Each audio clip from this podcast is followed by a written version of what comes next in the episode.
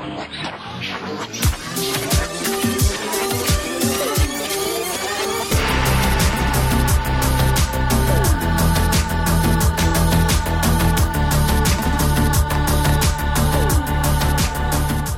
til Popstalgi, dere. I dag skal vi snakke om et veldig viktig tema for meg personlig. For jeg mener at eh, det her er på en måte starten på hele min musikkobsession. Og eh, egentlig den personen jeg er i dag, for personen jeg er, er jo på en måte bare popmusikk, nesten.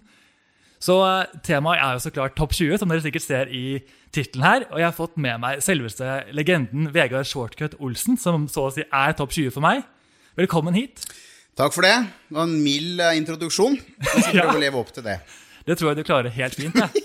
Jeg skal prøve. Altså, jeg hadde på en måte alltid hatt en drøm, eller jeg har en drøm om å være en slags topp 20-programleder selv. Det hadde jeg fra jeg var liten av. og tenkte sånn, Det du gjør, ser ut som det beste i verden. Var det så gøy som det så ut til å holde på med Topp 20? Ja. Ja, det kom fort.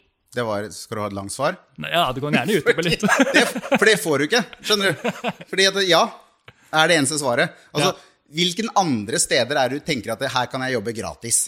Når jeg får møte Robin Williams, Beyoncé Knowles og Tom Jones på én uke, liksom. Ja, på hoteller på, i forskjellige storbyer hvor alle andre betaler enn meg sjøl. Mm. Det er ikke noe sånn Og jeg har ikke utdannelse engang. Nei. Ikke sant? Sånn at det er ingenting som er rettferdig med det her. Og da kan du jo ikke Du kan jo ikke, du kan jo ikke ikke være fornøyd. Nei, nei, det er ingen, det høres ikke ut som det er noen ting å klage over, Nei. egentlig. Nei, det var ikke det. Men eh, jeg lurer på hvordan du Hvordan fikk du egentlig jobben i Topp 20? Hva var liksom veien din inn dit? Oi, oi, oi. oi. Um, skal vi se. Vi, du skal få den lange versjonen. Fordi at jeg er vokst opp på Kongsberg. Ja. Eh, Det er jo da forbi Drammen for de som eh, er fra Oslo-siden. Eh, halvannen time fra, fra Oslo ca., østlandsområdet. Og der er det eh, ikke mye som skjer hvis man er liksom tenåringsrebell og har lyst til å finne ut litt grann mer enn en fotball og, og, og, og ski, da. Okay. Så jeg tenkte at øhm, jeg, jeg er født i 73, så jeg var 11 år gammel når hiphop kom. Ja. Og hiphop er jo storby. Ikke sant? Beat Street kom i 84. Det her var min greie. Og så begynte jeg å rappe. Og så Det som alle rappere ikke skal gjøre, er jo da å begynne å jobbe i politiet. Det begynte jeg med. Du gjorde det, ja? Ja da, fordi uh, jeg flytta til Oslo. Og så flytta jeg på Tøyen. Og så var det et sånt svært hus på andre siden av veien, og det var politihuset. Så Ja. tenkte jeg at de trenger jo folk. Helt sikkert. Og så går jeg over, og så får jeg jobb. For jeg ljuger på meg at jeg kan Oslo. Jeg, på, på, jeg hadde bodd der i tre uker. Jeg, jeg, jeg kunne alle veiene. Så jeg ble sånn budbil som jeg kjørte sånn hemmeligstemplet uh, informasjon Oi. i sivil politibil. Og jeg visste jo ikke forskjellen på, på Majorstua og Mortensrud. ikke sant? Så jeg satt og grein i den bilen, eh, true story, hver dag. Og ringte pappa, for han hadde jobba mye på gatene sånn med å være selger og sånn. 'Pappa! Pappa! Holmlia! Holmlia, pappa! Er det, nei, er det, er det med Frogner?' Nei, ja, for da hadde det er- man jo ikke Google Maps eller noe. Nei, nei, nei. Og jeg sitter jo ikke, du sitter jo ikke og blar i bok, ikke sant. I, så jeg var, jeg var prisgitt pappa på den tida, og, men jeg lærte meg Oslo på hardt og vondt. Og så fikk jeg platekontrakt. Ok. Fordi jeg holdt på på siden da, med dette rap-greiene mine. Ja. Ikke sant? Og så hadde jeg samtidig fått plass på Politihøgskolen. ja. Ja. Så du måtte Hva er det som er mer stilkrise enn det? Ja, veldig Jeg, jeg dro hjem til mamma og pappa og sa Du, eh, jeg har fått sånn der, Jeg har fått plass på, på Politihøgskolen, og, og de, Å, så, så deilig, Vegard. Ja. Åh, da er det liksom Litt sånn trygt og godt. Ja, ja, for da har du liksom framtida foran deg. Ikke sant? Så, ja, og så har jeg fått sånn um, platekontrakt. Og da kan jeg få ketsjupen, vær så snill. Og så tenkte jeg at dette her er liksom ikke noe sånn win-win for meg. Eh, Men heldigvis så hadde jeg forståelsesfulle foreldre da, som tenkte at han driter seg ut, det tar et år, og så er han ferdig med det rap-greiene. ikke sant? For det er jo ikke rap. Ja, men de, var, de sa bare kjør på, liksom. Prøv hva De du kan. sa det. De sa det. Kult. At bare gjør greia, og det er jeg jo takknemlig for. Og jeg håper jo å videreføre det til mine barn, at man har lyst til å, å, å bygge opp under deres drømmer, istedenfor å slå de i hjel med sine egne feilsteg. da, Ja, ikke sant? mye finere det. Ja, Og så tenker jeg at bare la han drite seg ut sjæl, og så finner han ut at det det er bedre å være purk enn å være hiphoper. Så da, eh, men, så, men så var jo greia var jo det at det, på 90-tallet så var det så sjukt mye penger i, uh, i platebransjen. Ja. Fordi at, Og det huset vi sitter her i nå, Universal Dere kan google det opp, dere som, dere som hører på dette her. Dette her er et, det er et ambassadehus som Universal har klort seg fast i altfor lenge. Og det, er, det er vært så mye sjuke fester i de rommene her. At det går ikke an å lufte det ut engang. Og det er fordi at det var så mye penger før. Ja. Det var så mye penger. Tenk deg på 90-tallet. Så Det var før MP3-filene. ikke sant? Ja, ja. Så, så kunne man selge én sang mange ganger. Mm. Mine sanger ble solgt som singel, som samleplate 1, 2, 3, 4, 5, pluss mitt eget album. Ja. Ja, for du toppet jo listen med Hot for you og hadde en superhit med den. Ja, ja, ja. Det, det gikk jo skikkelig bra. Og det var, eh, det var, eh, det var uh, egentlig sånn at jeg solgte mer samleplater for plateselskapet okay. enn jeg solgte til meg sjæl. Men jeg, det var såpass mye til meg sjæl også at jeg holdt jo kjeft, da. Ja. I tillegg til at jeg var ny og sånn. Um, men, men den gangen så de vrei kluten helt tom, og de misbrukte alt av sånne eh, unge, dumme talenter til å selge smurfehits. Jeg er jo klatresmurfen. Veit du det, eller? Hva mener du med det? Du veit hva en smurf er? De, Ja, altså de blå, små. Jeg er klatresmurfen. Jeg har um, en av de mestselgende smur, smurfelåtene i Nei, å, du mener det virkelig bokstavelig? ja, jeg, jeg sitter ikke her og tuller med deg, kompis. Jeg er klatresmurfen.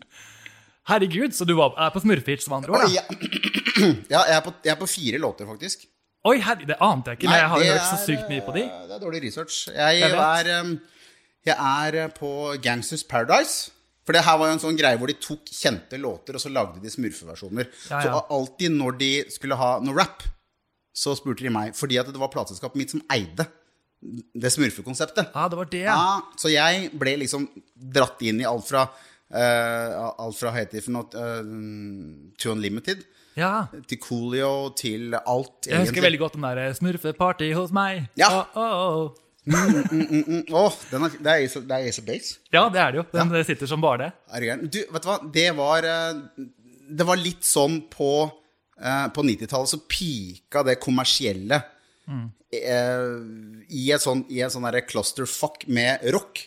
For det var jo ikke noe mer rock. Rock var 80-tallet, Ja. og så ble det Nirvana og sånn. ikke sant? Men det ble så depressivt og gærent, så alt sånn dancemusikk og de der boybanda girlbanda som kom, det var sånn kjempepositivt og så enkelt og så Det ble lett sånn ekstrem motpart, liksom. Nettopp. nettopp. Og, og rap ble fanga helt i, midt imellom.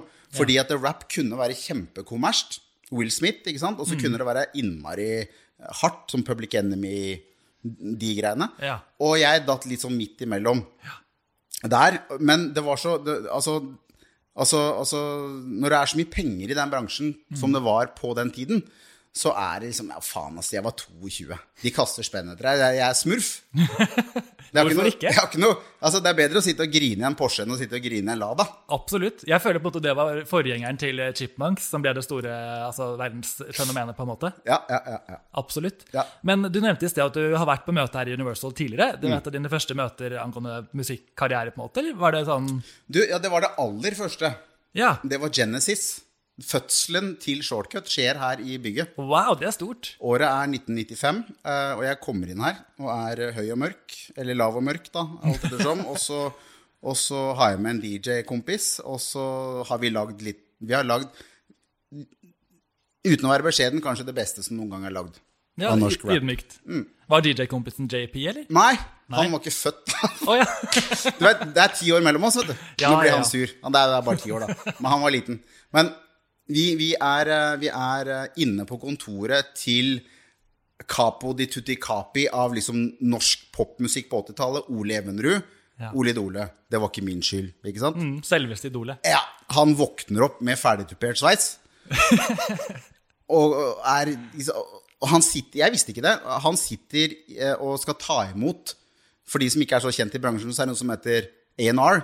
Artist and Repertoire. Det er de som liksom skal vurdere artister, de nye artistene, og, og høre på låter og finne litt trender og sånn. Og, og han satt der, og så, og så kom jeg inn.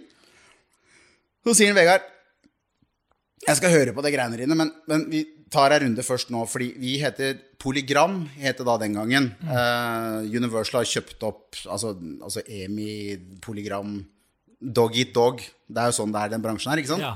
Så Polygram var et plateselskap eh, som han jobba for. De satt også her. Og så sa han vi selger også vaskemaskiner, Vegard. Så for meg så er du en vaskemaskin. Jeg syns du ser bra ut, og du, du, du, hvis musikken din er bra, så tar vi deg inn på verkstedet, og så lager vi litt kule knapper og bra design på deg, og så prøver vi å få solgt deg. Hvis ingen kjøper deg, så skal jeg gi deg én sjanse til. Da tar vi deg med på verksted, bytte litt knapper, litt design, litt farge kanskje. Og så prøver vi å sette deg i utstillings utstillingsvinduet. Hvis ingen kjøper deg da, så er det røysa. Det er veldig sånn, Du ble et veldig produkt med en gang. når han sier Det det, tok, på den det tok ett og et halvt minutt å ødelegge alt. Ja. Siden 1984 og Beat Street, liksom. Han bare Fuck! Ja, men Mistet Ole du håpet altså. da, om liksom popkarrieren, eller syns du det var spennende? Jeg det hata Ole Evenrud som et helvete i, i, i, i ett og et halvt minutt. Og vet du hva, Ole, hvis du hører på det her, det, her, det er noe av det sanneste noen har sagt til meg Ja. på 27 år i den bransjen. Det var noe av det ærligste og mest ufiltrerte. Og fra hans side, det er ikke sikkert det var meninga, men han hadde ikke tid til å bruke 100 år på alle som kom inn døra. Men han var i hvert fall ærlig. Ja. Og det er akkurat sånn det er. Det er, eh, det, er, eh, det er en bransje, det er forskjell på å drive med musikk og å være i musikkbransjen. Ja. Og det er det mange som ikke skjønner. Det tror jeg mange har trengt å høre. Mange artister som sliter i dag, som har sikkert fått over, overload av hele bransjen. på en måte. I dag så får du det feil, liksom, for at du får de der eh, promoverktøyene i trynet gratis. Instagram og Facebook og, og, og alle disse her, eh, sosiale mediene som, som egentlig uh, må komme når du vet hva du skal promotere. Men i dag så promoterer du jo Uh, altså det, det, er, det, er sånn, det er sånne tomme karbohydrater. De løper etter hverandre i sånn ring. Ja, En sånn evig påfylling av innhold som kanskje ikke er så innholdsrikt. Nei, det er, det, er, men det er veldig merkelig. Det er veldig rart. Men jeg syns musikken preges uh, også. Nå hørtes jeg Nå! nå hørtes jeg gammel ut nå! Hørte du det? Hørte du det? Ja, det er jo det er nostalgipodkast. Kan, Kan jeg ta litt Farris? Gjør det. Oi, oi, oi, oi, oi, Olsen. Vet du hva? Det sa du til deg sjøl på toget. Du skulle ikke komme inn hit og høres ut som en sånn gammel grinebiter. Alt var bedre, alt, Ja, men, husk alt var bedre før. Å, gud. Men signerte du da likevel allikevel med Universal? Eller eh, valgte du å prøve noe annet? Jeg fikk en sånn intensjonsavtale, for han syntes musikken var bra. Og så og intensjonsavtale betyr at de betaler da for at jeg skal lage noen ferdige demoer. Ok, Eh, også, og hvis de liker de demoene, så har de opsjonsrett. Da kan de kjøpe det Ja. før jeg går til noen andre. Men hvis de ikke syns det er noe særlig, så er det penger tapt. Det er bare sånn som, det er som å spille kort. ikke sant? Ja. Og da, da Jeg likte den ikke. Nei. Var det Hots for you, blant annet? Eller var det ikke det helt enda? Det var en helt fucka opp versjon av Hotsfjord som jeg ikke helt Jeg prøvde å finne den igjen. For jeg Ja. syns den egentlig var veldig kul. For den, vi har, vi har lagd uh, Den låta er jo et bevis på hvor blodkommers og, og, og, og sell-out man var. Eh, fordi at den begynte som en hiphop Den begynte som en rapplåt. Som en litt sånn tyngre sak. Og så og, og, og reffet var uh, sampla i god hiphop-tradisjon fra noe som var Det funka som bare det, liksom. da var bifall fra liksom Jeg husker Tommy T hørte dette greiene her, og til og med når han sier at Å, det er, det er, det er Nå skjønner jeg hva det var så Da er du innafor, da. Liksom. Absolutt. Uten at jeg liksom prøver å si at det var noe Warlocks over det. Det var ikke det i det hele tatt. Det var ikke det hele tatt. Men, men så sitter jeg da, til slutt, med dette greiene her, hos et plateselskap eh, som driver bare med samleplater. Og så sitter jeg med Du er altfor ung. Eh, men når jeg, når jeg var eh, ung, så var Wam var en greie. Ja, i England. George Michael. George Michael, Andrew Ridgely. Og så hadde Norge en norsk versjon som het Creation. Aha. Ja, Muffe og Gakki. Og de skulle vise seg å bli da store i musikkbransjen ellers også, både foran og bak spakene. da. Okay. Og han ene fyren sitter og sier, Vegard Kan ikke du bare starte låta med å si I got the hots for you, baby, here we go. Og så ja, det kan jeg jo gjøre. Og så ble det jo det. Det ble, det ble på en måte din It's Britney, bitch. Ja, det ble, og det var han. Ja, wow! Han er liksom Og han, han, han, han er sånn han, er, eh, han får A1 til å høres getto ut, liksom. Han er helt på andre sida, da. Det er godt gjort. Ja, det er godt gjort. Og, og, og, så jeg jobba jo med Jeg jobba jo med veldig mange forskjellige typer mennesker for å få til det uttrykket som shortcut skulle bli, og så ble det Jeg er veldig fornøyd. Jeg kan jo ikke klage på det, men jeg, for jeg, jeg hadde ikke noe peiling. Jeg hadde lyst til å bare underholde folk. Jeg hadde, hadde lyst til å være på scene, og, og, og jeg, jeg, jeg fikk noe ut av å stå på en scene. Jeg har aldri blitt fortalt at jeg hadde noe talent, og det er ikke sikkert jeg hadde noe voldsomt stort uh, talent, men jeg hadde en, jeg hadde en, en sånn um, Jeg hadde en sånn Robin Williams hadde eh, Let Me Entertain You. Ja. Robin Williams er ikke verdens beste danser, verdens beste sanger, egentlig verdens beste noen ting, men han har en sånn X-faktor. ja, sånn formidlingsevne som er helt ute av den Ja, verden, ikke sant? Og jeg følte liksom at når, når, når det smalt, og de låtene ble sånn internasjonalt store, så Jeg var jo livredd hver gang jeg gikk på scenen. ikke sant? For Mm. jeg tenkte jeg har jo faen ikke noe her å gjøre. Du var redd for at de skulle skjønne sånn Ja, nå, nå, nå driter jeg meg ut. I dag. Det er jo imposter syndrome som alle kjenner i sin jobb også. Man tenker sånn Jeg kan egentlig ikke det jeg gjør. Når skal folk skjønne det? Nei, også, og- men, men for meg, og for meg så gikk det så fort, da. ikke sant? Fordi at eh, de var flinke i plateselskapet mitt. Når Hots for You breaka, Mm. så eh, ble jeg kjøpt opp av hovedkontoret i Amsterdam. Oh, ja. Og de hadde en fyr som het Peter Andre, og så var det Å ja, eh, herregud. ja, det, ja? Mysterious Girl. Oh, jeg syns den er bra, liksom. Og så er det og så er det også Unlimited, og de var harde på sånn Dutch pop. da ah, okay. Og shortcut. Og så, og så eh, ringer de, og så sier de Backstreet Boys. Eh, de, skal ha, eh, de skal starte europaturneen sin i Norge. Uh, har uh, han shortcut Har ikke han noe der å gjøre, liksom? Som en Det er så bra du tar opp dette her, for dette var et tema jeg skulle absolutt spørre om. Sier du det? Ja. Hva, hva tror du jeg sier da? liksom? Jeg sitter hjemme på Tøyen, ikke sant? Og jeg, jeg er jo kritthvit innvendig. Jeg er fra Kongsberg. Det er hockeysveis og mopeder og hjemmebrent det Ja. går i. ikke sant? Og så sitter jeg på Tøyen og er plutselig svart. Og tror at jeg har fått litt innpass i, i hiphop-miljøet. Og så skal jeg få beskjed om at jeg da skal på turné med Backstreet Boys. Ja, det er langt ifra den verden der, da. Men eh, var du sånn Du sa vel ja? Det gjorde. Selvfølgelig gjorde jeg det. Og så, og så går jeg på scenen i Oslo Spektrum og har ikke peiling på hva. Det er bare sånn Hvorfor må man drite seg ut?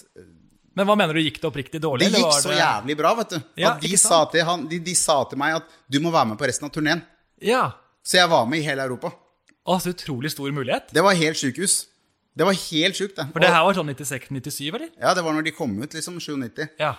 Og, og, og på grunn av den turneen så ble jo den derre Do You Really Wanna Hurt Me Jeg gjorde en sånn Boy George eh, eller Culture Club eh, remix. ja. Jeg har hørt på den mye siste uken. Og da, og da, og da um, uh, ble en av de mest selgende låtene i Spania i 97. Oi. Og så gjorde det til at jeg fikk være med på en sånn spansk turné. I, altså- Er det nå Ricky Martin kommer inn i historien? Ja! Og så, og så og, og, men vet du hva jeg husker mest av hele den dagen? Nei?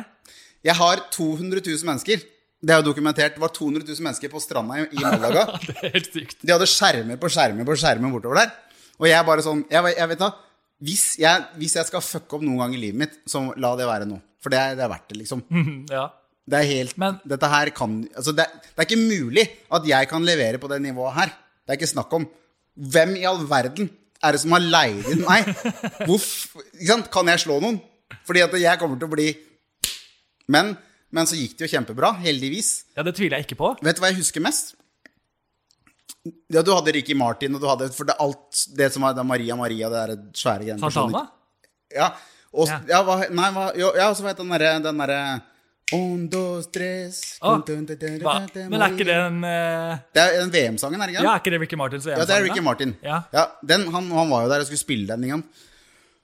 Det jeg husker, er rumpa til hun derre Husker du Paradisio? Bailando oh, ja, ja, ja. Oh, Bailando. Fy faen. De hadde noen sånne skjermer bak der, vet du. Okay. Og han kameramann, han var veldig glad i rumpe, tydeligvis. Ikke Rickys, men hennes. Så han, han lot det gå ut i halve første verset. Fordi han, før han tok kameraet opp fra rumpa hennes. Så vi fikk se hvem som sang. Ja, det vil man jo kanskje vise. Det hadde jo aldri fungert nå. Absolutt ikke. Med sånn metoo-greier og Men i Spania så er det jo litt mer sånn på puppe og rumpe. Litt mer løssluppende er kanskje litt der. mer samba. Men, men til og med der så ble jeg stående sammen med en kompis av meg og se på dette rumpefenomenet, som var litt sånn, sånn intergalaktisk svær. Men vi hadde aldri sett sånne, sånne skjermer før, ikke sant? Nei. Så jeg har aldri, jeg, verken før eller senere, sett en rumpe på 12-13 meter i bredde, da. Det er jo ingenting i forhold til Kardashians når du snakker om det på den Nei da! Men dette, du må huske på at dette var før Kardashians. Ja da. Nå er jo det vanlig. Men, men, men det er det jeg husker mest fra den kvelden. Men var det her før du skulle spille med Ricky, eller hadde dere allerede gjort det? Bare sånn, eller var det her på en måte oppvarmingen for å bli gira? Dette var, dette var bare for å bli gira. Ja. De var faktisk før oss, Paradiso. Ja, faen, de var før oss. Men hva, altså, hva gjorde du da? Du spilte di, dine sanger før, Ricky? Jeg spilte du... dine sanger, og så ble, jeg spilte mine sanger, og så ble det en sånn greie, skjønner du. Artistene øh, ville ha med folk på allsang. Ja, så Og så tenkte jeg ok, nå er jeg i hvert fall fucked. Allsang-rap, da, eller? Hva er det for noe? Kom igjen. ja, men Gi meg én, ikke sant? Det er ingen. Og så er han kompisen min på scenen, en av de beste vokalistene jeg har jobbet med, Tommy Laverdi, heter Ja. han. Uh, han. Han bare, han bare dytter meg og sier I got this. Og så setter han seg ned på en monitor foran 200 000 mennesker, og så gjør han Bob Marley Ja. på For han, han har vokst opp med, med liksom Caribbean language i Los Angeles. Ah, ok. Så han gjør det helt perfekt.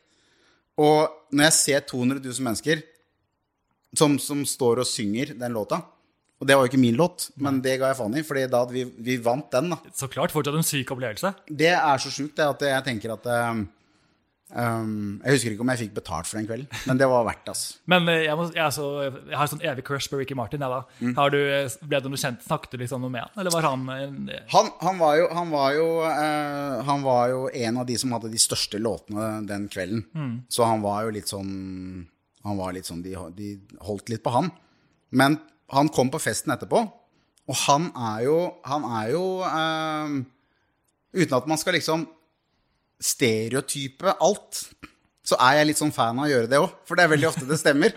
Ja. Og han er jo en sånn latino, eh, Don Juan, Ja. homofil Og alt stemmer, ikke sant? Han er så pen at han er, han er sånn derre Adonis. Ja, man kan pen. jo ikke se bort, liksom. Nei. Det er ikke noe, og det er samme om det er hetero eller homo, eller og, og, hva det er for noe, men det er Han er pen, Ja, ja. og han kan synge, og han kan danse, og da var liksom alt stemmer. Og så var han hyggelig i tillegg, da. Ja, Det er godt å høre. Så, så vi, vi var på fest, og, og jeg husker ikke helt hvordan jeg kom hjem, men det var, det var eh, en sånn fest som de arrangerte eh, på, på, på den festivalen, da. Som, som vi, vi ble jeg, jeg var jo ikke en dritt der, ikke sant. Men Ricky Martin var jo the shit, ikke sant. Så jeg hang jo på han Ja, skjønner jeg godt. som en kvise. Og, og fikk jo da selvfølgelig VIP-treatment hele veien. Ja. Uh, så det var kult. Han var en, han var en, uh, han var en bra fyr. Jeg husker han var her i Oslo på en signering en gang. Da gikk jeg forbi på Free Record Shop når det var en sånn lang kø med da, litt eldre damer, egentlig. Ja. Og jeg hadde ikke, på en måte, turte ikke å stille meg i køen, så jeg bare prikket han på skulderen, og så løp jeg videre. Creepy stalker, jeg vet det. Men Skal jeg, skal jeg snakke om Creepy Stalker òg, eller? eh, gjerne. Jeg ble kasta ut av livvaktene til uh, Priscilla Presley på Grand Hotel. Bare ta en liten Ja, det er lov. Fordi Hva var det du prøvde på da? Nei, de, jeg hadde en kompis av meg som var veldig fan av Elvis. Ja. Sånn litt over det som er greit når jeg er på min alder, for det er ikke så gammel at det er Det er ikke helt greit. Men han var det. Og så er, og, og så er han svær og sånn der beefy sånn Nato-soldat-fyr. Okay. Så du gidder liksom ikke å ta den diskusjonen. Hvis han liker Elvis, så er det greit, da. ja, det må får bare være greit. Ja. Og så sitter vi, eh, og han kommer hjem på litt sånn uortodokse tider fra disse oppdragene sine. Så han har vært i Ramstein i Tyskland, i det fjellet i Tyskland, så han sitter der og korrigerer noen sånne Nato-greier. Og så kommer han hjem, og så sier han, Vegard, bli med og ta noen drinker med meg på Fridays. Og så på Karl Johan. Midt på dagen? Ja vel, selvfølgelig. Det, det, det ender aldri bra. Og så sitter vi der, og så, og, så, og så får vi greie på at Priscilla Presley er på Grand Hotel. For å gjøre noe oppdrag, eller vet dere hvorfor hun var her? Nei, eh, for jeg kom aldri så langt i samtalen ah, okay. med Priscilla Presley. Nei, dessverre. Nei, også, Men, men det, det, et eller annet må hun ha gjort her. Ja. Jeg vet ikke om hun synger, gjør ikke det?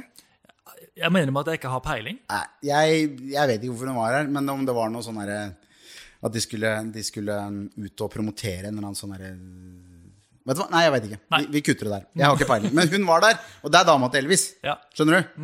Er, det, det er- det er svært uansett, da. Ja, ja, absolutt. Og jeg er jo da selvfølgelig Det tar meg tre sekunder å bli så cocky at jeg er kompis med Prince og Michael Jackson og Madonna og alle. Du sa det? Fire sekunder, da. Og så sier jeg 'Er du hypp på å hilse på?' Og han bare 'Mener du det, Vegard?' Liksom. Da står, jeg, da står jeg i tjeneste resten av livet. Ja. Og dette er en fyr skjønner du, som jeg trenger egentlig å ha i vater på tjenester, fordi han fiksa for meg en gang at jeg fikk gjort F-16 Oi. Mhm. Ja. på, i, i, i et sånn derre Den siste F-16-turen som er registrert i Norge. Fordi at nå er det ikke sånn derre dobbeltseter. Nå er det Ja. bare én i flyet, så nå går det ikke an å sitte på meg lenger. ja, du må kunne fly det selv. Nå må du All opplæring bli gjort på bakken. Det er ikke noe sånn lærersete bak. Jeg. Så jeg satt der som på den siste turen. Så han har den på meg. Ja. Så jeg tenkte at hvis jeg gir deg og Priscilla litt sånn alone time, Ja. som jeg selvfølgelig får til, så er vi nulla ut. Det er første flykurs i popslagi. Altså, ny verden. Og selvfølgelig, det var et par gin tonic innabords for å manøvrere den opplevelsen til å bli troverdig. Men han var, vi var på samme kanal, da. Så vi gikk inn på Grand. Og så, og så sier jeg bare Hi, my name is Thomas. I'm from, uh, from the Norwegian Broadcasting Corporation. I'm here to meet uh, Priscilla Presley. For sånn og sånn. For jeg visste da at NRK skulle inn der. Ja, du gjorde det, ja. Smart. jeg, jeg er jo ikke dum. Så jeg lurte oss inn eh, på, på NRK eh, sine premisser. Da. Var det her når du jobbet for Topp 20? Så- Nei, nei, dette her var, i, det var en annen setting. Okay. Eh, jeg har jobbet jo for NRK i tolv år etter, faktisk. Ja, ikke sant. Eh, men, men, men, men det var shameless, da. Jeg tenkte at vet du hva, det her funker. Det går helt ikke i går lenger. Ja, ja. Og disse Texas-folka de har jo ikke peiling på hvem jeg er. ikke sant? Så de er bare hyggelige og slipper inn meg. Og han svære fyren eh, som ser ut som en sånn bodyguard. Og, og så er jo greia mi at jeg, jeg er jo ikke interessert i Priscilla Presley. Jeg skal bare Bare gjøre han en tjeneste. ja. Det som er greia, vet du, er at når du har sittet og, og, og drukket lenge Dette vet jeg ikke om du har vært med på, men når når du reiser deg opp fort, mm, så kommer alle drinkene samtidig. Jo da, jeg kjente det, altså. Ja da. Det skjedde med meg. Ja. Når jeg sto og handshaka med Priscilla Presley. Oi, du kom så langt. Jeg kom helt i mål, og så skulle jeg si at Kan han bare få ta et bilde med deg, liksom? Jeg sa nok ikke det. Fordi det neste jeg husker, er at jeg blir båret ut og kasta ut på gata på Karl Johan av to sånne svære, feite biffamerikanere, liksom. Oi! Og sånn ikke på noen sånn koselig måte heller. Sånn Det ser jeg ikke for meg. man kan jo bli kasta på en koselig måte òg. Ja, Man kan kanskje det. Jeg, ja. Jeg ble ikke det. Nei. Landa hardt ved eh, de Y-bærene der. Men du kom jo egentlig helt i mål. altså God innsats til deg, det skal du ha. Ja, eh, og, og han fyren fikk et bilde med hun Priscilla Presley. Ja, så jeg er en null på den F-16-turen. Ja, Men så bra, i hvert fall. Men apropos hore seg, siden du dro opp det kortet først, så skulle jeg bare toppe det. Det klarte du veldig bra. Eh, jeg måte tenkte egentlig ta en bitte litt bare kjapp intro av Topp 20-konseptet. For det, Ja. er jo, det er jo det på en måte som er der jeg blir kjent på deg. Ja. Eh, det var jo et eh, konsept som begynte helt i 1958. Da, altså, da kom på den første listen på trykk. Mhm. Så har jeg holdt på i ja, håper å si 100 år, det har det ikke, men veldig lenge i hvert fall. Eh, og da var det bare de ti mest solgte singlene fra 25 utvalgte store CD-butikker som ble regnet med. Eller platebutikker, het det vel da. Eh, og så var det jo i 1995 at det ble en topp 20-liste. Eh, og så kom også albumlisten topp 40. Så var det vel to programledere før du steppet inn. Eh, men da kan vi komme tilbake til hvordan var det du tok over denne jobben som programleder? Eh, jeg eh, hadde vært på turné med Backstreet Boys. Ja. Uh, var på vei tilbake igjen. Fikk en spillejobb med Christina Aguilera og Diana Ross. Herregud, du gjorde det også? Ja. Og så fikk jeg en telefon når jeg skulle ned og møte Backstreet Boys igjen, at de hadde brukt opp alle pengene sine Oi. i plateskapet. På meg. Ja. Eh, det var uh, i forhold til den turneen jeg var på.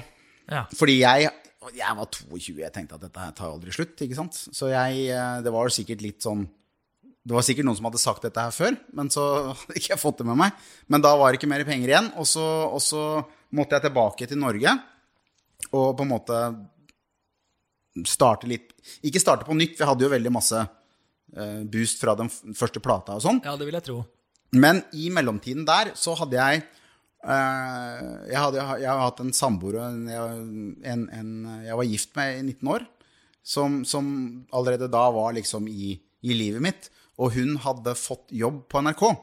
Ja, okay. Og satt på do og hørte at de hadde panikk, for de hadde 14 dager på seg til å finne programleder for noe som het VG-lista Topp 20. Og det skulle gå live.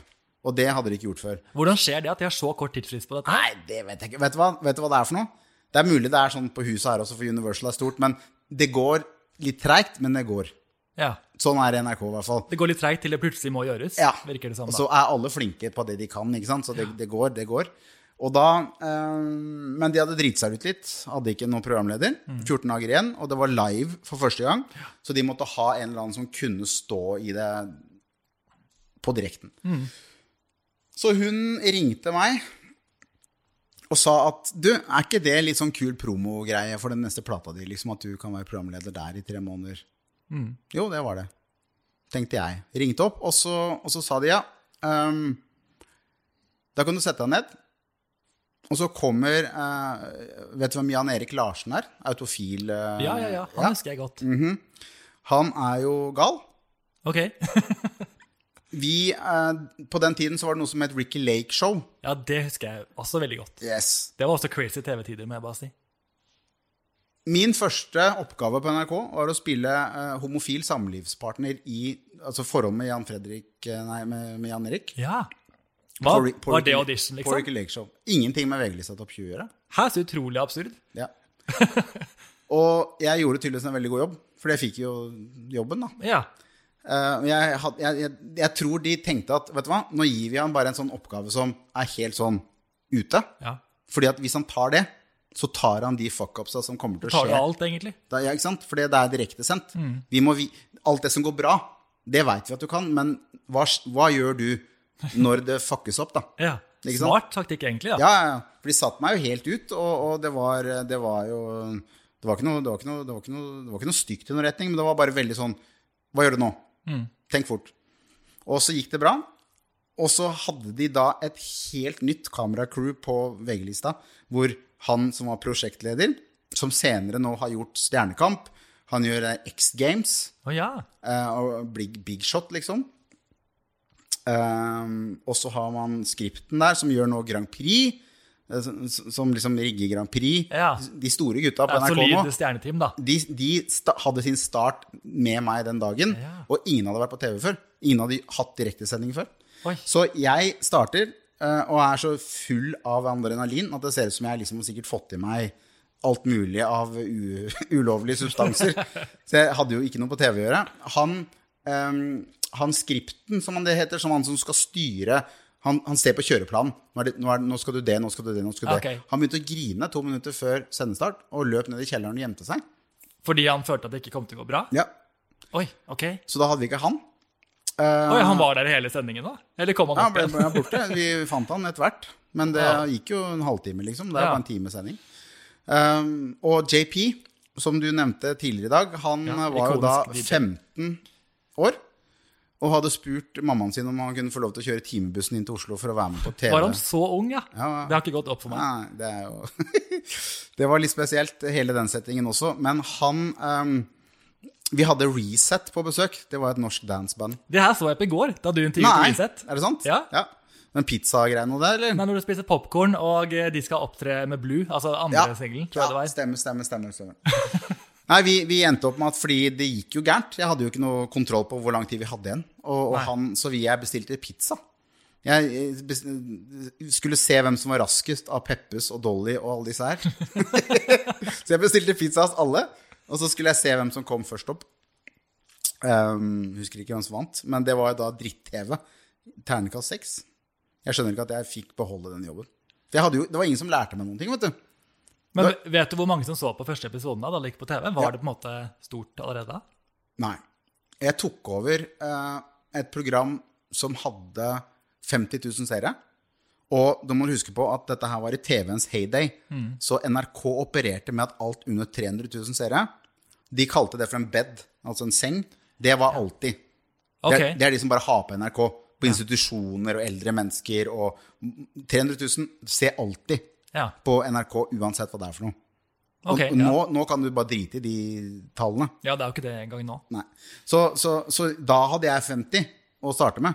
Ja. Så det var, det var eh, ikke mye. Og det tror jeg var litt av grunnen til at vi fikk lov å gjøre alt som vi gjorde som ikke var helt innafor heller. Fordi det var direktesendt, så de kunne ikke ta oss på mye av det her. ikke sant? Eh, Vi hadde jo ikke peiling, noen av oss, på hva vi dreiv med. Jeg burde jo aldri vært på TV. Eh, Jeg fikk jo heller aldri noe nei, men jeg burde ikke det. Jeg, jeg, jeg kunne ikke De sa bare nå, det, det, det, det lyser rødt over det kameraet som er på, Vegard. Og så bare snakker du til vi sier fra. Det var det eneste jeg fikk greie på. Det er jo helt fascinerende at du bare blir hevet inn i det her. Måte Jeg ble, ikke få redd, jeg ble ikke redd for etter sendingen var ferdig, vet du. For jeg ble bare kasta ut i det. Men det er en god egenskap da, i den situasjonen der. Ja, ja, ja det, altså det, det, det er ikke så mye jeg kan, men det kan jeg. Og da tydeligvis da, stå, stå i det akkurat når det blåser. Men, men det er jo ikke bra. Jeg, jeg synes faktisk, i all ærlighet, at Norge henger veldig langt etter eh, en god del andre større land. Ikke bare større land, men sånn som Sverige. Sverige har vært verdens nest største eksportør av popmusikk i, i nesten 30 år. Fra Roxette og Europe og Ja. til Max dag. Martin, ikke minst. Det er jo gæren. Og de jobber med artister som om de er profesjonelle fagmenn. Altså de, de blir trent på mediating, intervjusettinger. De blir trent på uh, det å være en artist. Da. Ja. Og det husker jeg så innmari stor forskjell på når jeg var på, på, på TV og vi fikk inn artister fra alle andre steder enn Norge. Så var de proffe. Og i Norge så fikk du artister som bare var litt sånn, sånn Du vet Flåklypa? Ludvig, på, når han står på racerbanen og ser sånn rundt seg med sånne svære øyer. Ja. Det var norske artister veldig ofte. De visste ikke hva de ble kasta inn i. Ja, for det merket jeg bare på Reset, at de alle, alle satt måte så hver sin vei og fulgte ikke helt med og svarte litt Nei, sånn altså, det var uproft. De kom jo bare med toget ned fra Jessheim. Ja. Det var, det var, Og skjønte ikke egentlig helt hva de skulle med på, kanskje? De andre, de, andre, de andre artistene var liksom dødsproffe. De var hyggelige, og de hadde liksom i, i, avklart hvem som skulle svare på hva, og, Ja. og, og, i forhold til artist, uh, unnskyld, uh, gjester, uh, hvordan de skulle oppføre seg, ikke sant? Ja. Det var Men, helt alt. Apropos det, så Jeg husker godt at du hadde besøk av Christina Milian, husker du det? Hun som Ja. synger AM to PM.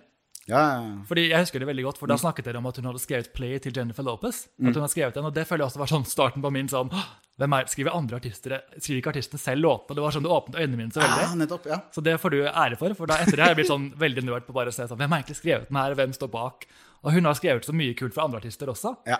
Så, men eh, bare sånn apropos det, var det liksom noen Har du noen sånn skikkelig høydepunkter av gjester når du tenker tilbake? Sånn, hvem var den morsomste gjesten å ha? Eller er det vanskelig å velge etter alle de gjestene du hadde, kanskje? Morsom um, Altså, det største for meg Jeg var jo vesentlig eldre etter hvert enn en, en gjennomsnittspublikummet. Ehm, så jeg hadde jo et Og tydeligvis som deg, da, så jeg, jeg er musikknerd.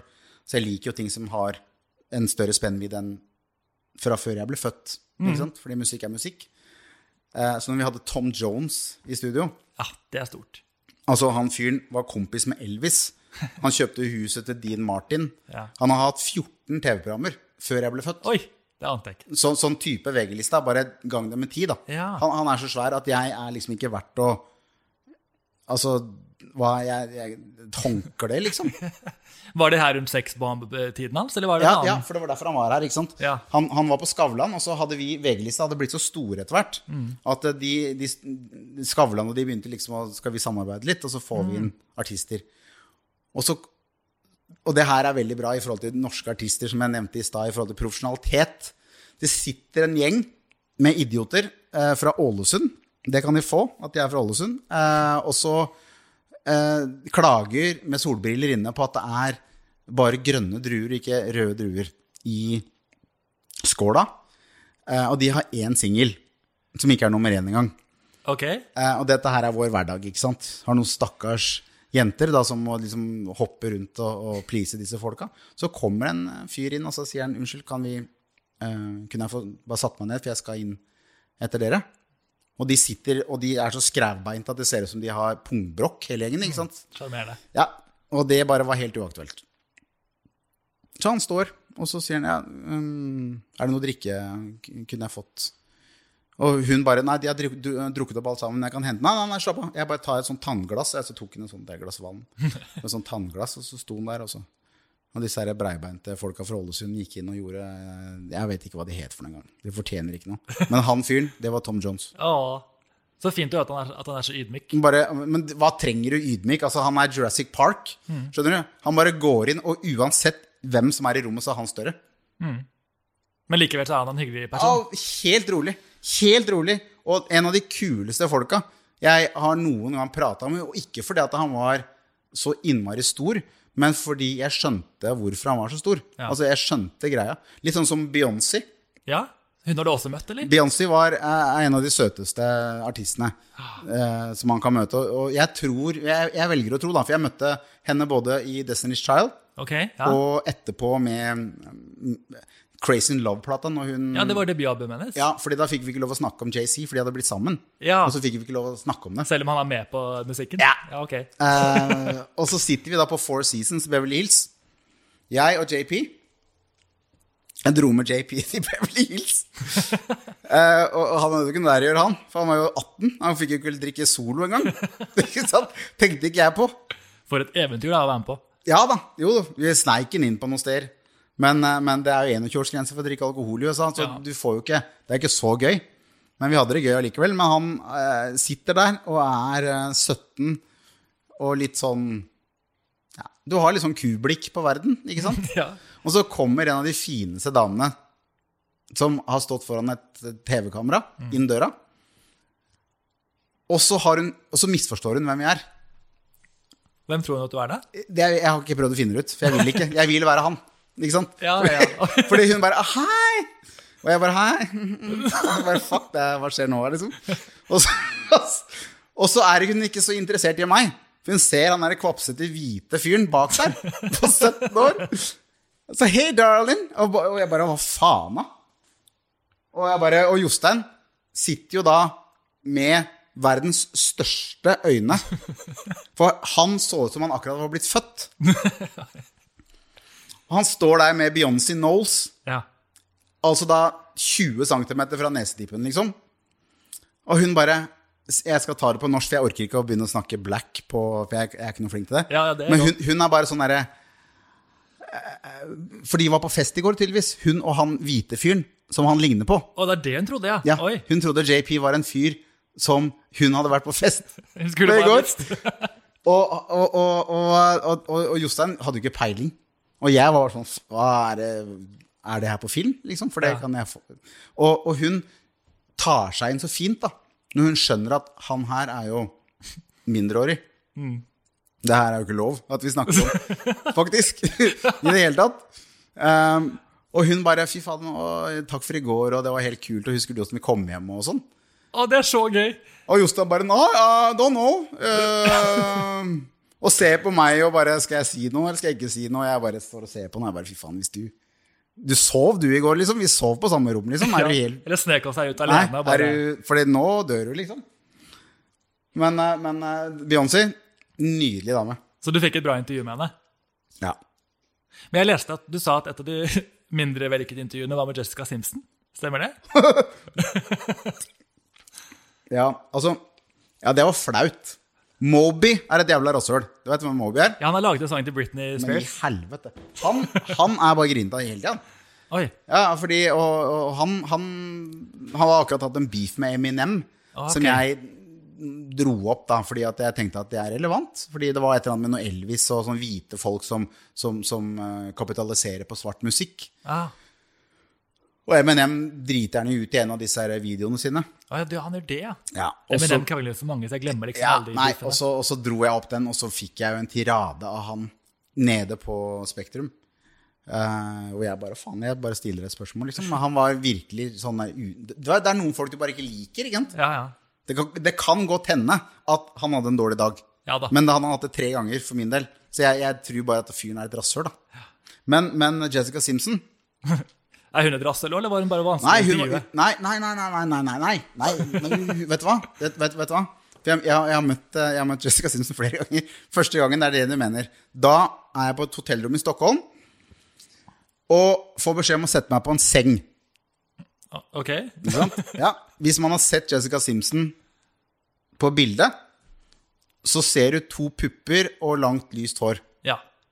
Det er det eneste du ser. En blond uh, Det er midwestern white chica, liksom. Ja.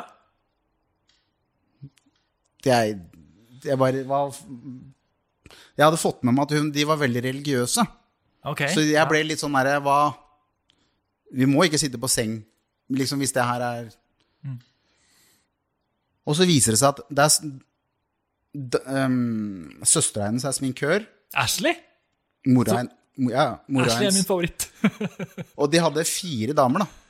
For dem var jo sikkert Jeg vet da faen, jeg, det er 16-17 stykker i den familien, da. Ja. Uh, som, som var sånn familie. Faren er jo pastor, tror jeg. Det var ja, men dritkristen, vet du. Ja. Og det var jo det som jeg tenkte at For jeg er ikke noen sånn kjempekristen, men jeg har respekt for folk som, som velger å tro på ting som jeg ikke nødvendigvis tror på selv. Mm. Uansett hva det er for noe. er. discriminate, liksom. Folk får drive med hva de vil for meg, liksom. Men, og når jeg er på jobb i tillegg, da, så tenker jeg at nå skal jeg være litt sånn var på det. Ja. Og så setter de meg på en seng. Så tenker jeg, er det her en test? For at jeg skal liksom være, skal jeg være litt sånn Degos-kul, kul? Litt sånn Rico Suárez på henne nå, liksom? Ja. Er det det de er ute etter? At de skal liksom ta meg Jeg, jeg, jeg skjønte ikke greia, liksom, for jeg syntes det var så rart. da ja, det skjønner jeg godt. Og så setter hun seg ned. Og så er det noe med at jeg er heteroseksuell. da, Ikke sant? Og, så, og, så er, og da er det et eller annet med pupp uh, som jeg eh, tydeligvis har et eller annet hang-up på. Fordi at når du smeller to sånne Vi snakker liksom om, om sånn uh, Det er mye, da. Det er mye pupp. Ja, ja.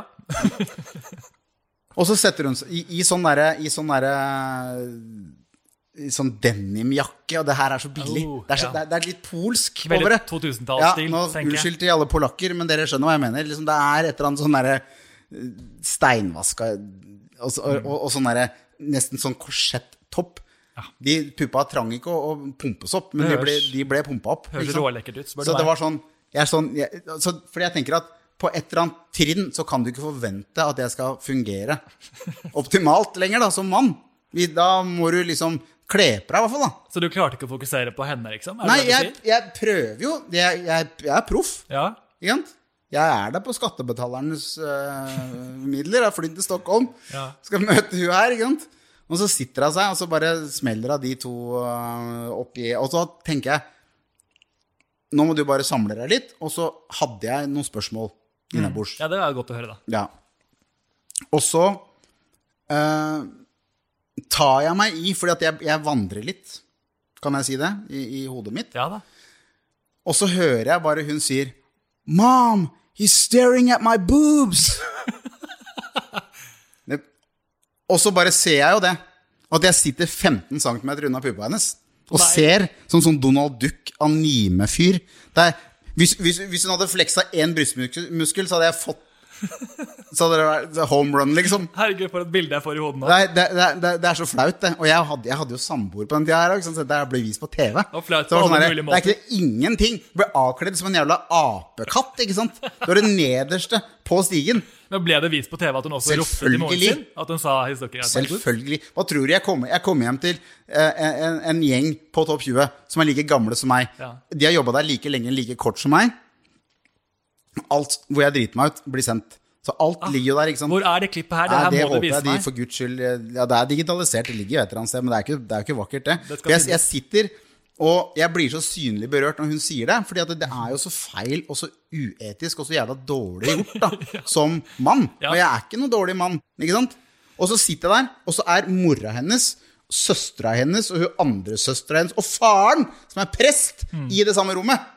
Som meg og puppa hennes. Så tenker jeg Det var det. Intens Nå skal jeg dø. Det var uh, hvordan dreper de folk i Midwestern i USA, liksom? Er det galge, eller var uh, blir du gravd ned, liksom? Og hvordan taklet de det her da etterpå? Eller hvordan gikk hun videre? på en måte? Jeg hadde, jeg hadde, tror jeg, en så synlig berørt uh, refleks. At hun var flau? Ja. Ja. Fordi hadde det her vært på byen, så kan man tulle det bort. Ja. For da kan Ok, det kan skje, men det kan skje med respekt. Ikke sant? Så kan man tulle bort. Men jeg var på jobb. Mm. Ikke sant? Men det er en litt rar jobb å sitte og snakke på en seng med en jente som ligger halvveis køla rundt med to Thunderdomes på brystkassa, liksom. ja, jeg skjønner at det blir litt en spesiell dag på kontoret. jeg på seg. Jeg skjønner ikke hva i helvete Tenk deg omvendt metoo, da. Ja. Bare for å være litt alvorlig.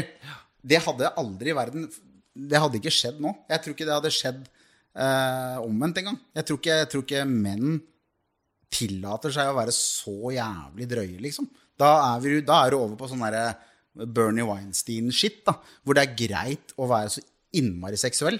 ja, det var den tiden der hvor de, mange av de artistene var på den måten. Det er veldig Ja, fascinerende okay, å se tilbake okay. på. Altså, jeg har ikke noe imot Jessica Simpson i det hele tatt. Hun er en nydelig jente. Vi har møttes flere ganger etterpå også, Ja. i intervjusetting. Og veldig proff. Og hele den Disney-gjengen er jo det. Justin Timberlake og, og, og, og Britney. Britney. Ja, alle de der er jo proffe som faen, da. Så jeg har ikke noe, noe galt å si om dem, men det var bare en sånn enorm um, Det var så jævla unorsk, da, å gjøre det på den måten der. Har du snakket med Ashley også i ettertid? Ja, men jeg, det, det her er lenge siden. Det husker du ikke så mye fra? Nei, det husker jeg ikke så mye fra. Hun elsker jeg, det må jeg bare si. Ja. Eh, eh, Jeg glemte å skyte inn at den du begynte i topp 20 rundt i august 1999, som jeg kunne se. Kan det stemme? Ja, det stemmer nok. Eh, Og den måneden var jo Britney faktisk på førsteplass baby, med 'Baby One More Time'. Jeg vet ikke om det var da du hadde begynt. Husker du om det var en av de første nummer énene dine? Ja, det kan vel kanskje Den var i hvert fall veldig, veldig høyt oppe der. For den lå jo på første i åtte uker. Ja, og jeg var jo på altså on Studios med Dennis Pope og Max Ja. Martin. Jeg har vært der nå i senere tid og banket på døren, eller bare tatt på døren. Et par år siden. Ja. Det er, det, de, de er jo Og det som er så fett med de gutta, vet du, er ja. at de er jo gamle rockere. Ja, ikke sant? Dennis, hvis du hører 'Crazy' med Britney Spears, så høres det ut som en Kiss-sang. Har du noe forhold til Kiss? Eh, Altså, ja, jeg vet hvem de er. Ja. Jeg har ikke hørt så mye på dem. Hvis du på en, en Hvis du setter på uh, Britney Spears med 'Crazy' Ja. høyt, og så, så kan du gå inn og, og, og finne en gammel Kiss-låt, så er det veldig mye akkurat det samme. Ja, Interessant, det har jeg ikke tenkt på. Fordi at dem eh, Altså, de, de vokste opp med sånn 80-talls puddelrock. Alle disse gutta. Uh, som har i senere tid skrevet uh, Altså verdens største sanger, da, for Ja. typ Ariana Grande, Taylor Swift, We, The Weeknd. Ja, og, og, og, og disse gutta som Ja, det var vel Var ikke det Dennis Pop og Martin? Jo, det var det, selvfølgelig. De skrev jo um, It's Gonna Be Me med en synk. Du, du, du, du. Den er så bra. Men du hører hvem den ligner på, eller? Du er ikke gammel nok? Vil du være med meg hjem i natt? Du, du, du, seng i natt? Nei, det er ikke Ja, altså, jeg kjenner jo henne når du synger på den nå. Mm. Og det har de innrømt etterpå, Har de? at den er norsk. Nei, så utrolig kult. Det ante jeg ikke. Jeg som Mm. har hørt på altså, NSYNC, både Bye Bye Bye og It's Gonna Be Me 100 Ja, det er jævla fete låter. Ja. Uh, men, men det er norsk puddelrock. Ja, fordi det, det er så interessant. Mm. Fordi jeg føler at de henter veldig mye av melodilinjene fra den sjangeren, egentlig. Ja. Av det de har laget. Og det er altså, altså Alle disse store som, som, som skrev alt av de uh, boyband og i, i, i Britney Spears-landskapet, da. Ja. De var jo inspirert av heavy eh, og som puddelrock, og det var veldig svulstig. ikke sant? Og så hvis man tok vekk Hvis man tok vekk um, trommene og gitaren og gjorde det litt mer sånn eh, elektronisk, og, og det var noen jenter med miniskjørt som sang istedenfor en eller annen sånn derre eh, Van Halen-fyr, Ja. så funka det like bra. ja, for det er veldig sånne akutte melodier som de tok med seg videre og pakket inn på en litt mer sånn Ja, polert det er stadionrock, egentlig. Bare de har klart å lage en um, Utrolig. Jeg, jeg, jeg, jeg jobbet jo, når jeg på min plate, så jobbet jeg med en som heter Anders Bagge. Ja. Som også har skrevet en del for, for Jennifer Lopez og, og sånn. Og han, han jo Kjente. Eh, Dennis Pop er jo Altså ja, han gikk jo bort på 90-tallet. Ja. Og de er Men det, det er gamle rockere, rett og slett. Altså, Ja. de, de går rundt med sånn derre sånn ordentlig svensk sånn derre Kypros-bleika hår. Det ser helt jævlig ut, bortsett fra at de er mangemillionærer. Ja. Eh. Men, men du nevnte for meg helt i starten noe jeg på en måte ventet på å ta opp nå, at du faktisk har møtt Britney Spears. Ja. Som jeg har liksom prøvd å holde nervene inne. Men hva, du må fortelle om hvordan det skjedde. For du skjønner at jeg er helt obsesst med henne. Ja. Jeg, jeg skulle ønske at det skjedde under eh, bedre forutsetninger. Når og hva Første, skjedde? første gangen eh, jeg møtte henne, så var, så var det på en sånn meet and greet. Ok, Um, og de som ikke kan relatere seg til det, så er jo det da en sånn setting hvor noen som har vært med på en konkurranse, får lov til å komme og møte en, en, en helt. ja. Gjerne bare ta et bilde og så gå ut igjen, sånn som det er i dag. i hvert fall. Og det er veldig, veldig profesjonelt, og det, er, det går fort. Ikke sant? Jeg eh, var der med to stykker fra VG-lista, ja, sånn som vi hadde. Og til sammen så ble det liksom lagbilde med fjortiser. Som, altså P4 hadde noen, Radio 1 hadde noen. altså Det var forskjellige typer steder som hadde vinnere. Ja. Som skulle da få lov å møte Britney Spears. Um, og, og ta et lagbilde med henne, rett og slett. Hvor hun sto det. Det var ikke noen personlig i det hele tatt. Nei. Men hun kom inn, og det er, bare, det er nok er Britney Spears. Absolutt, jeg hadde ikke sagt nei, altså. 14 år, så er dette her liksom helt eh, Helt eh, det, det, det blir ikke større. Og så, eh, er jeg der, og jeg har jo ansvaret for disse to jeg tror, Og NRK hadde jo en sånn greie på at vi prøvde ofte å velge vinnere som kom fra litt utenfor Oslo. Fordi vi var jo riksdekker, ikke sant? så vi, vi kunne betale for det. Ja. Og så hadde vi liksom balansert det ut litt, så vi hadde folk fra Finnmark og Stavanger og rundt. Så dette var folk som ikke hadde vært i Oslo før. Og så øhm, står jeg der, og så får jeg greie på at han ene av de fyrene, det var en gutt fra Finnmark, han hadde vært og stalka Britney Spears i treningsstudio. ja. Mens hun dreiv med et eller annet eh, der som han ikke Kunne vært meg. Ja. Så jeg fikk ekstra beskjed om at hold de gutta i en tøyle, ellers så går det skikkelig gærent. Ja. Så det ender opp med at jeg står i den klynga med uh, ungdom når hun kommer inn i, rommet, i den grad at jeg av sikkerhetsvaktene blir antatt for å være en litt stor dust, som er litt sikkert tilbakestående, som har vunnet en, en, um, en mulighet for å møte Britney Spears. ja. Og de trodde du hadde vunnet. Jeg, altså, Ja, deg fordi jeg var litt slow. Jeg, det var meg og mange barn på, Ja. på sånn 12-14, og jeg var eh, litt eldre enn det. Ja. Og hun eh, ser jo en fyr, da, som er i hvert fall i høyde på sin egen eh, alder. ja. Hun er jo 1,62. Du er vel Hva er du? Jeg er 1,73. Ja. Så jeg, eh, men i forhold til disse unga, så, så skilte jeg meg jo litt ut, da. Så hun går forbi meg, og så, og så blunker hun til meg. Og så gir hun meg et, eh, en, en sånn derre signaturgreie. Ok. For hun tror jo at jeg er Ja, en, sant? en, en, en litt sånn enkel, stor gutt Ja. på tolv. En, en var veldig eldre, glad ivrig for fan, da. Og jeg sto der og bare fy faen. Og alle de andre journalistene sa ingenting. Nei. Og de visste jo at jeg var At jeg ikke skulle stå der. ikke sant? Men jeg står der som en sånn halvpedo med disse barnehagebarna. Og så, og, og, men hun, hun blunker til meg, og så gir hun meg det kortet. Og så tenker jeg liksom, er det sånn Skal jeg bite på den, eller skal jeg liksom hva, gjøre det til alle? Antageligvis gjøre det. Uh, men var det for at jeg var litt sto, storvokst, kanskje? Ja. Er, noe, er vi der? Ikke sant? det er, jeg vet ikke, jeg. Nei, Du nei. må jo bare grabbe det du kan. Du blir jo ikke yngre. Hvor ofte er det det skjer? Aldri. Ikke sant? Så jeg, eh, jeg, eh, jeg gjorde ikke det, da. Jeg hadde ansvaret for disse gutta. Og det, det bildet, det, det fins. Da står jeg sammen masse unger, altså ten, tenåringer, fjortiser, med disse her gule Jeg hadde sånn, gur, sånn Grorudpalme. Det, ja, det På huet. godt. Det var veldig ikonisk look. Ja, og, ja, og, så, og så står jeg der sammen med disse her kidsa. Og, og, og tar sånn lagbilde sammen med Britney Spears, da, og hun tror at jeg er en av disse unga. Ja. Det bildet, det er kleint, det. Fordi Det bildet må jeg se. det er Altså, i den grad du kan se at folk har det vondt, så har jeg det på det bildet. Så du ble, men tror du at hun, måtte, at hun sjekket deg opp litt, eller hva skjedde? Ja, jeg tror det.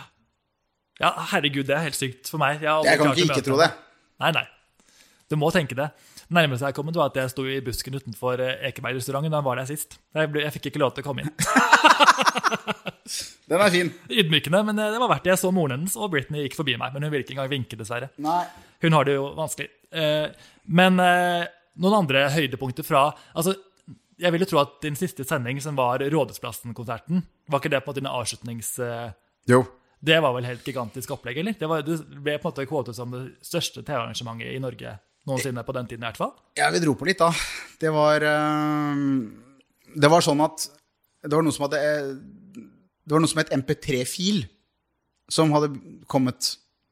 Hvor man kunne kjøpe musikk på nett, og Ja. ikke kjøpe CD. Singel.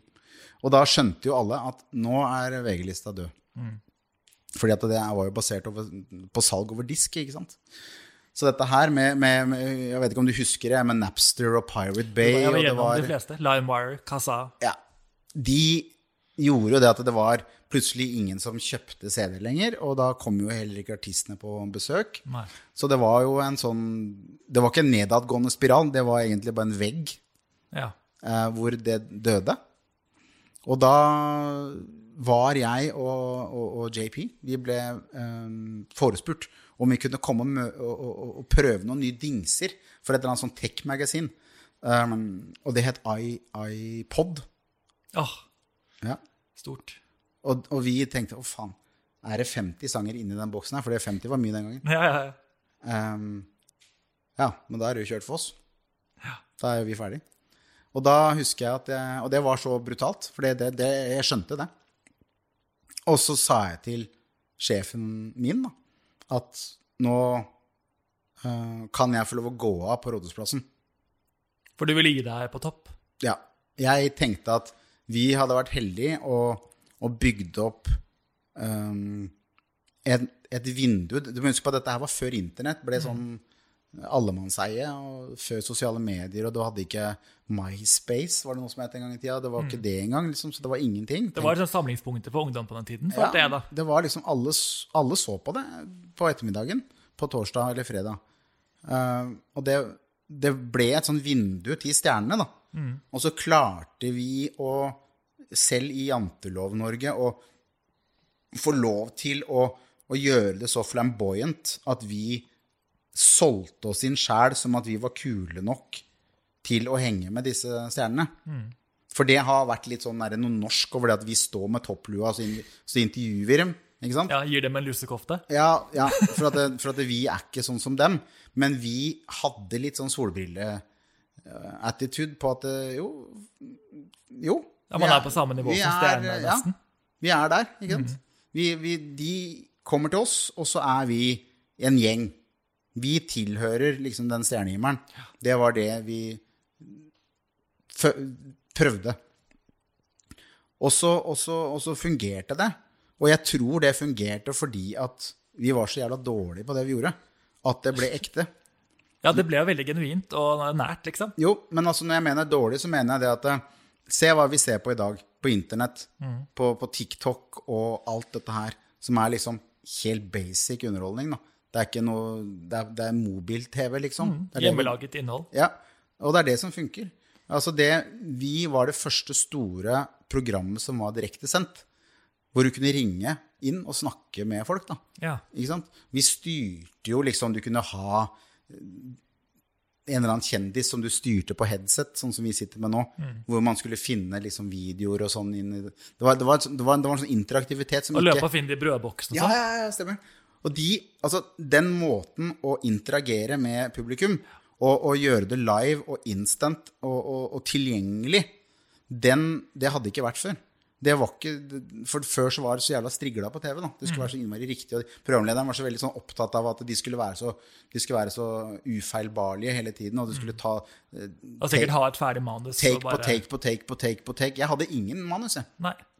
når vi gikk på Rådhusplassen, så hadde jeg aldri noen lapper med meg. Fordi jeg føler at hvis jeg har planlagt å si det her for fem minutter siden, så er det fem minutter for seint å si det nå. Ja. Det er stor kontrast til i dag, når alt er såpass innmari, altså, så innmari polert, som du sier. Jeg, orker ikke sånt, jeg. Jeg, jeg, jeg har lyst, altså, det som er ekte, det er når du står foran 100 000 stykker nede på Rådhusplassen, og så forteller du hva du har på hjertet, og så svarer de.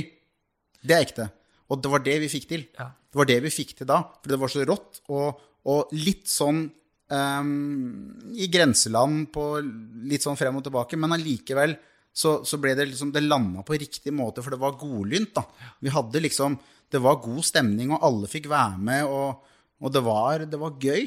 Men du må ha blitt litt satt ut og sikkert rørt av den siste sendingen der, når du står foran så mange folk og skal på en måte gå av noe du har holdt på med i var det fire-fem år? Ja, det er sjukeste jeg, jeg, jeg sto der, og du får ikke planlagt sånt, fordi vi hadde planlagt alt som skulle skje på kameraene.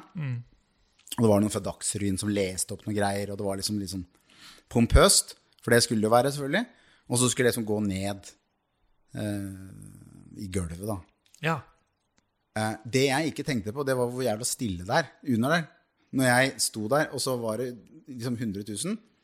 Og det er den der countdown-greien, og det er så innmari pompøst. Og du kan, Ja. Jeg driter i hvem du er, men du blir bevega av sånne ting. da.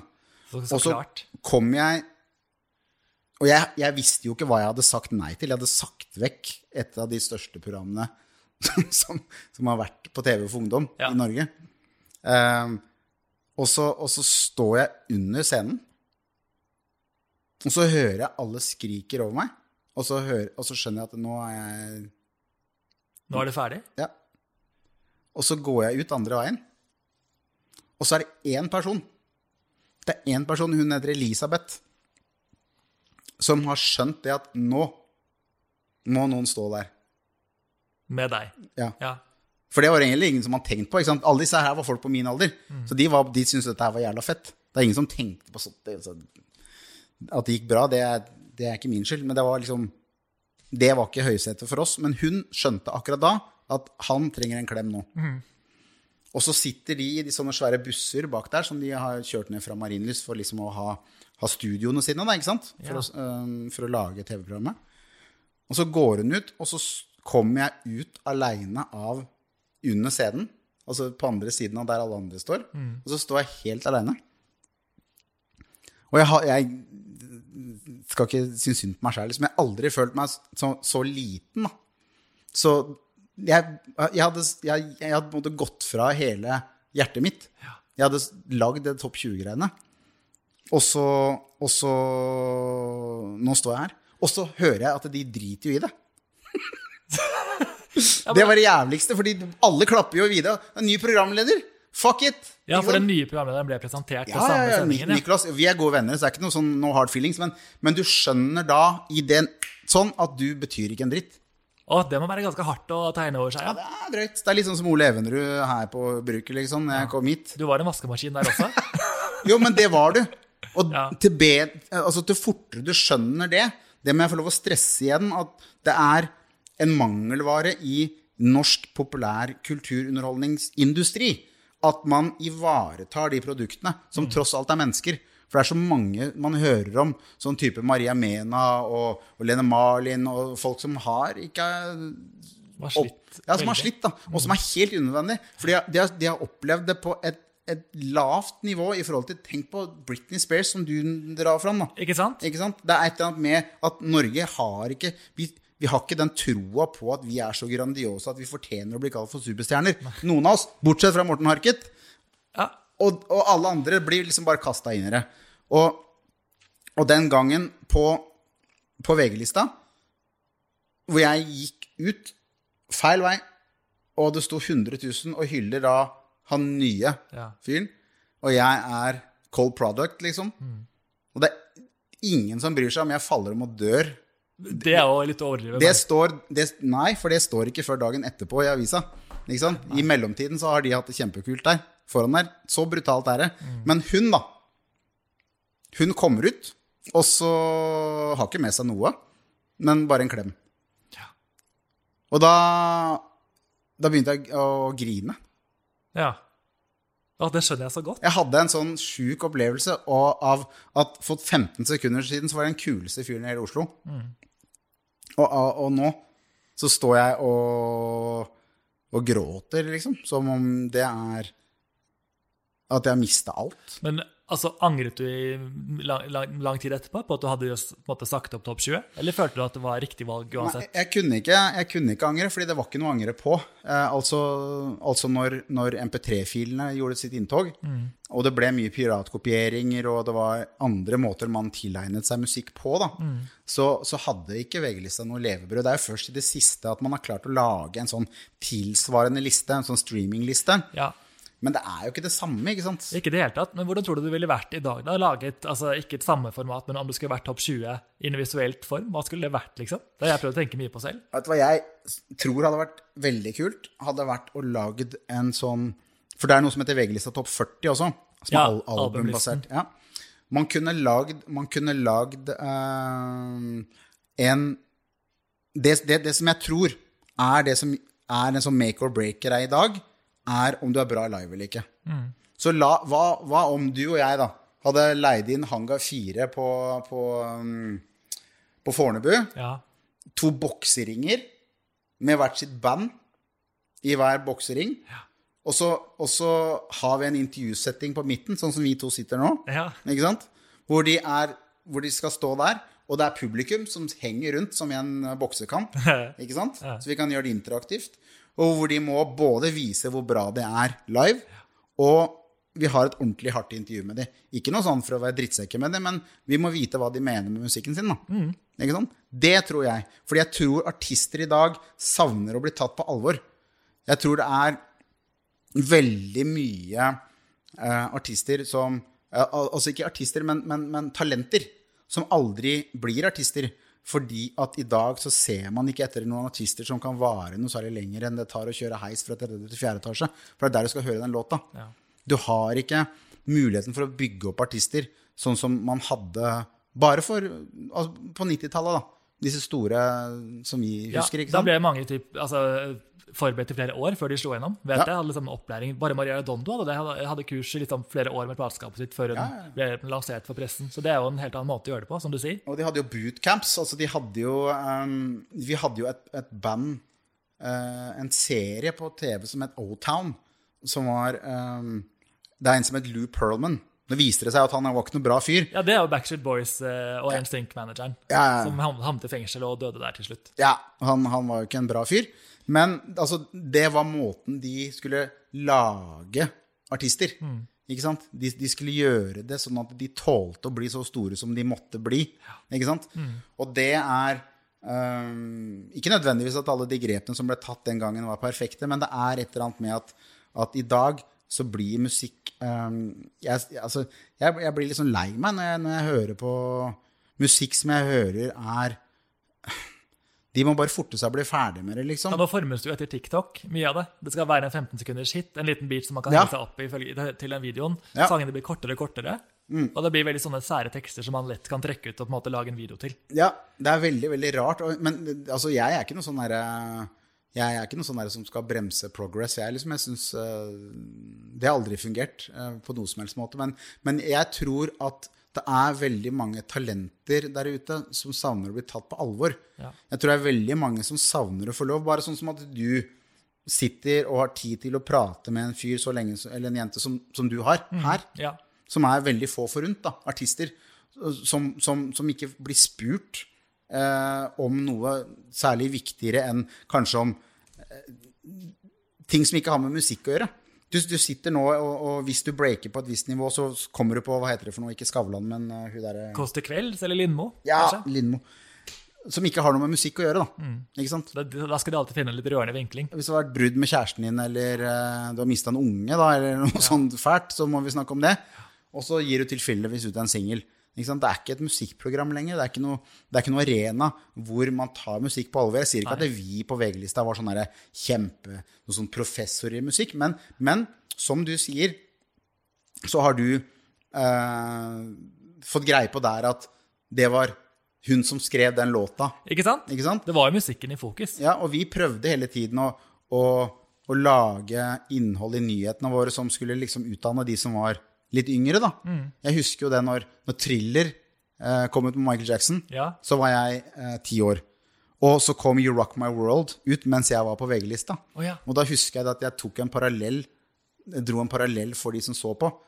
Hvor jeg liksom husker at den thriller den ble sendt etter Kveldsnytt, for den var så jævlig voldelig. Ja. At den det var liksom på natta.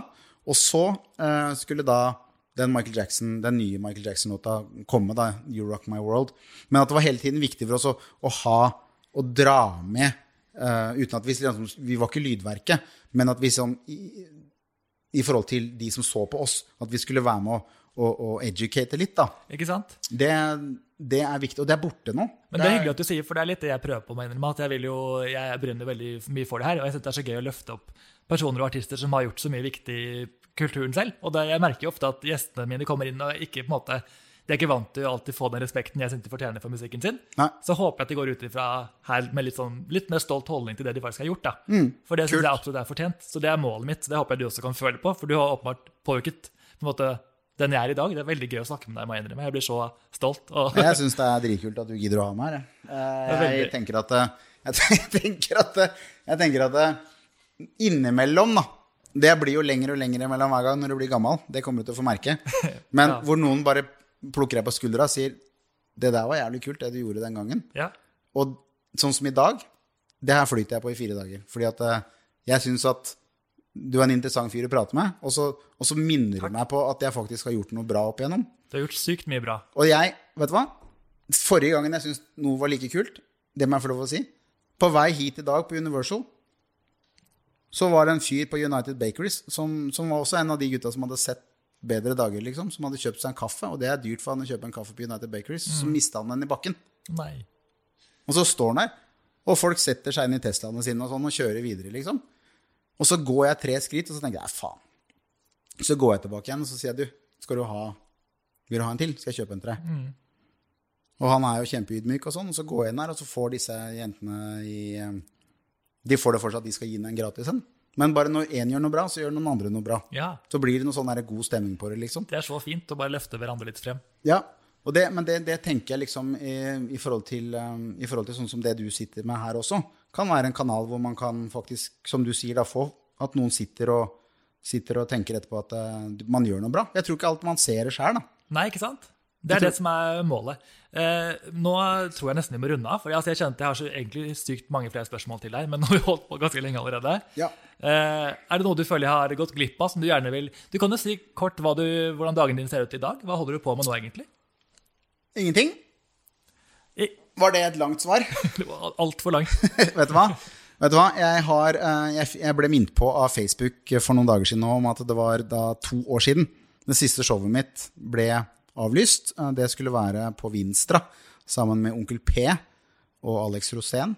Um, og etter det så har det vært lite show. Mm. det var i påsken da, for to år siden. Og jeg har eh, Jeg har eh, Jeg har aldri vært klar over hvor lang en dag er. Som når du sitter og ikke gjør en dritt. Nei, det tror jeg mange har kjent på, spesielt siste året. Ja, veldig kjedelig, altså. Jeg, skulle, jeg skulle begynne mm, i en spennende stilling for Kongsberg Jazzfestival. Jeg har flytta hjem til Kongsberg, som er hjembyen min, og, og fikk en veldig fin stilling der som jeg gleda meg til. For første gang på 50 år så blir jo da den festivalen avlyst. Og, og mm, så her sitter jeg. Da håper jeg den er her når, du, når korona er, gir seg, så kan du komme tilbake til den stillingen. Det håper jeg absolutt for din del. Ja. Så kommer jeg innom her og klager litt innimellom. Gjerne. Gjerne. Jeg kjenner at du har mye mer historie på lager. Jeg kommer til å klemme ut hver eneste kjendishistorie du har å by på. Takk for at jeg fikk komme. Ja, takk for deg. Det var så utrolig gøy. Du har nå hørt på Popsagi med meg, Erik Rydning, og i dag var det Topp 20-legenden Vegard Shortcut Olsen som var her og beriket våre liv. Fortalte så mye spennende greier. Så takk til dere som har hørt på, og sjekk ut alle de andre episodene, så blir jeg veldig, veldig glad. Ha det bra.